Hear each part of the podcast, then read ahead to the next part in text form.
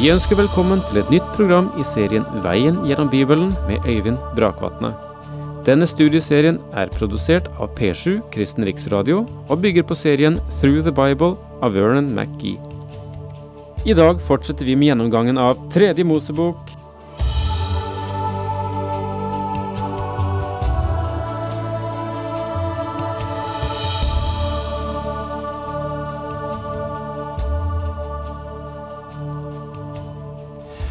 Vi er nå kommet helt på slutten av kapittel 25 i Tredje Mosebok.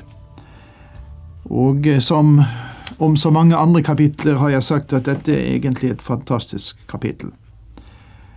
Eh, dette omhandler lover som angår løftetslandet, landet, sabbatsåret, jubelåret eller frigivelsesåret. Og så Eh, handler kapittelet om utløsning av eiendom og personer.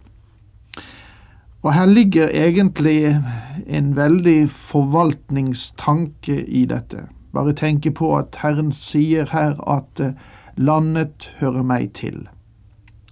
Det vil si at ingen kunne tilrane seg eller tilrøve seg land. Eh, så landet kunne egentlig ikke, i alle fall ikke over lengre tid, kjøpes opp og holdes av en liten gruppe mennesker. For eh, jubelåret eh, gjorde slutt på alle eh, kontrakter, alle tvungne forhold som førte til at folk i intervallen mellom to jubelår måtte frasi seg sin eiendom, selge den eller pantsette den, All pantsettelse ble opphevet, for de er bare forvaltere. Israels folk er forvaltere av det som Gud eier. Og Det burde vel kanskje også være et sunt prinsipp for um, vårt forhold til uh, både til eiendom og til det vi eier ellers. Det um, det er ikke vi som egentlig er eiere, vi er forvaltere. Og når mennesker kom i vanskeligheter, selv kom i en sånn situasjon at de måtte selge seg selv, fallby seg selv, til tjeneste for å kunne klare seg igjennom, så skulle et slikt menneske hjelpes, og deres ulykke skulle ikke utnyttes på noe vis. For det er Gud som råder over menneskeskjebner, og vi skal ikke gjøre det. Og derfor, når jubelåret kom, så, så kunne man løses ut, eller man ble fri, og også i perioden imellom kunne man løses ut. Og vi avsluttet sist med å sitere dette siste avsnittet, eller nest siste avsnittet i kapitlet, Tredje Mosebok 25, versene 38 til 46, som sier noe om innløsning av mennesker. Den fattige bror som kanskje hadde vanskelig for å klare seg, det være seg fysisk eller mentalt, skulle beskyttes mot å bli slave.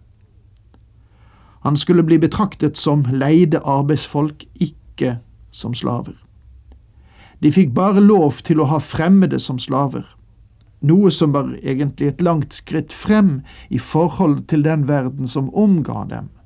Selv om vi ikke anser at dette var en ideell situasjon da, så må vi se det på bakgrunn av det forholdet som rådet i nasjonen omkring, og i det forholdet var dette et kolossalt skritt fremover. Og det er en tillempning til Moseloven, til den livssituasjonen de sto i ved den tiden.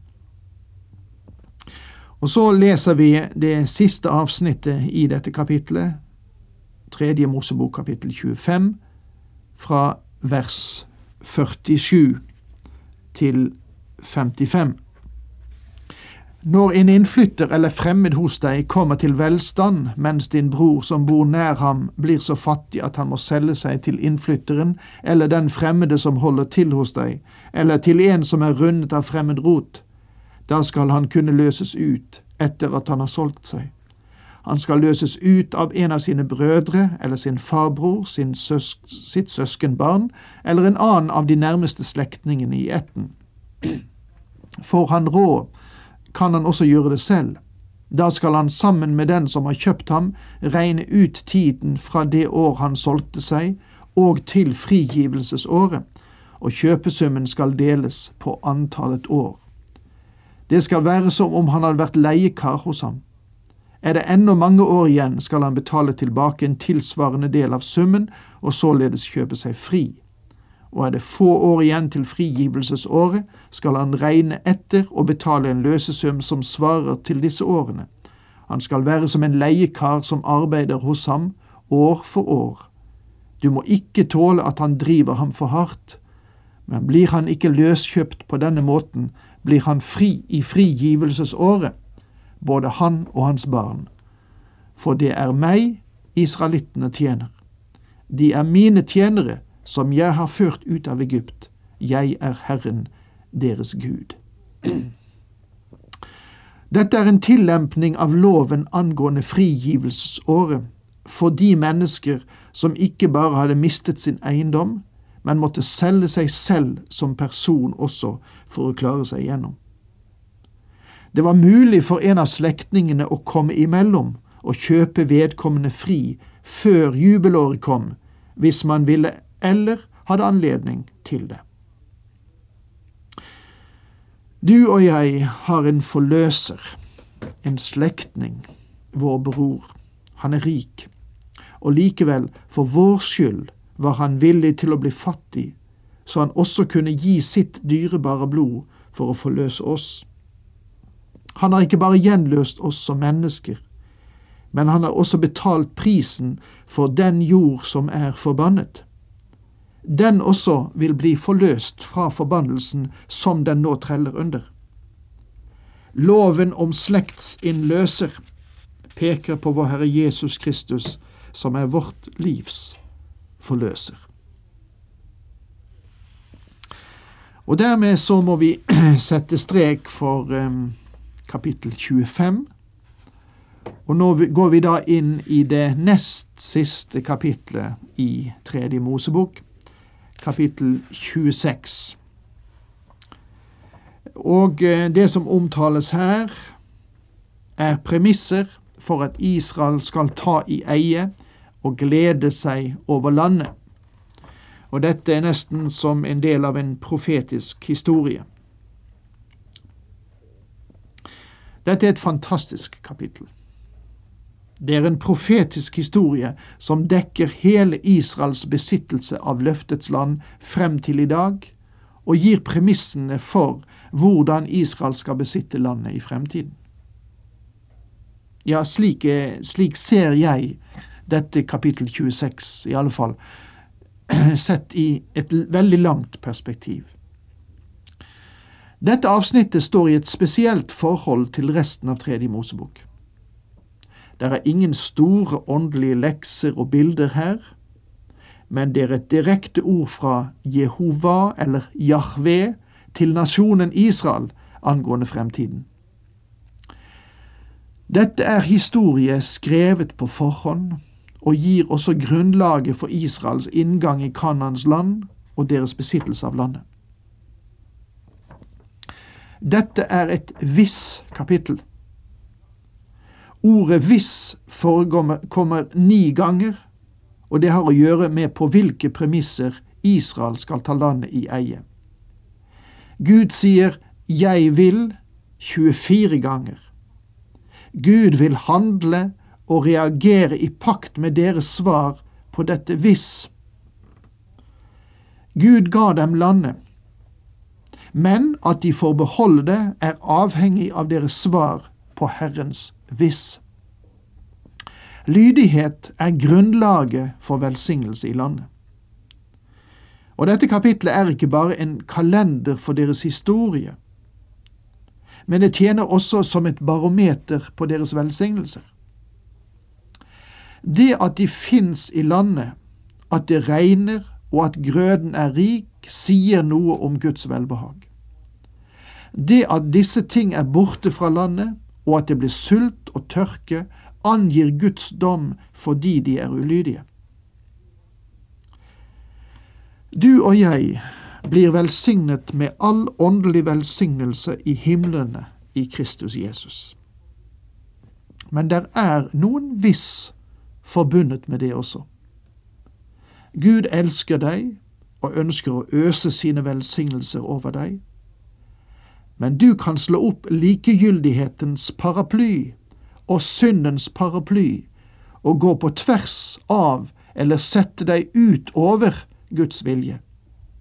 Når du gjør det, vil Hans kjærlighets solskinn ikke bryte gjennom til deg. Du må folde sammen paraplyen for å erfare Hans åndelige velsignelser. Hvis vi nå går til oversikten over dette kapittel 26, så faller det vel i fire deler, skulle jeg tro. Først kommer prologen til Israels magna carta for landet, selve grunnloven, og det er de to første versene. Deretter følger en blokk som angår løftet om velsignelse, det er versene 3 til 13. Så kommer en, en, en, en doms, et domsavsnitt eh, i versene 14 til 39. Og så til sist et avsnitt som går fra vers 40 til 46, forutsigelse om oppfyllelse av løftet til fedrene, nemlig til patriarkene. La oss nå gå inn i eh, den første delen, prolog til Israels Magna Carta for landet. Og så står det vers 1 og 2 i Tredje Mosebok kapittel 26. Dere skal ikke lage dere avguder ikke reise gudebilder eller steinstøtter, og ikke sette billedsteiner i deres land og tilbe dem, for jeg er Herren, deres Gud. Disse to versene summerer opp første del av de ti bud, menneskets forhold til Gud. Disse er vesentlige for at Israel skal få bo i landet. De må møte disse fordringene hvis de skal eie landet. Landet får de, men for at de skal kunne nyte det, er forutsetningen at de må vise lydighet mot Gud. For det første, de skal ikke gjøre seg noen avgud. Det hebraiske ordet for en avgud, idol, elilim, betyr et intet. De skal ikke lage seg noe intet. Det er tøft å lage et intet, mine venner, og likevel så er det mange mennesker som gjør et intet av sitt forhold til Gud. Alt det som tar Guds plass, er et intet. Ordet som vi her blir presentert for som gudebilde, betyr et utskåret bilde av tre eller trefigur og ordet for billedsteiner betyr skulpturer hugget ut i stein av avguder. Folket skulle ikke tilbe et avgudsbilde, og heller ikke tilbe foran et avgudsbilde. Og dette er en gjentagelse av det som allerede er blitt sagt folket i Tredje Mosebok 1930. Altså, det første var at de skulle ikke gjøre seg noen avgud, Deretter så skulle de holde sabbaten, og for det tredje så skulle de ha respekt for helligdommen. Sabbaten, helligdommen og det som angår å tilbe Gud, er med i samme pakken. Guds karakter ligger til grunn for å adlyde disse formaningene. Jeg er Herre. Og der må vi stoppe for i dag, mine venner. Takk for nå. Herren med dere.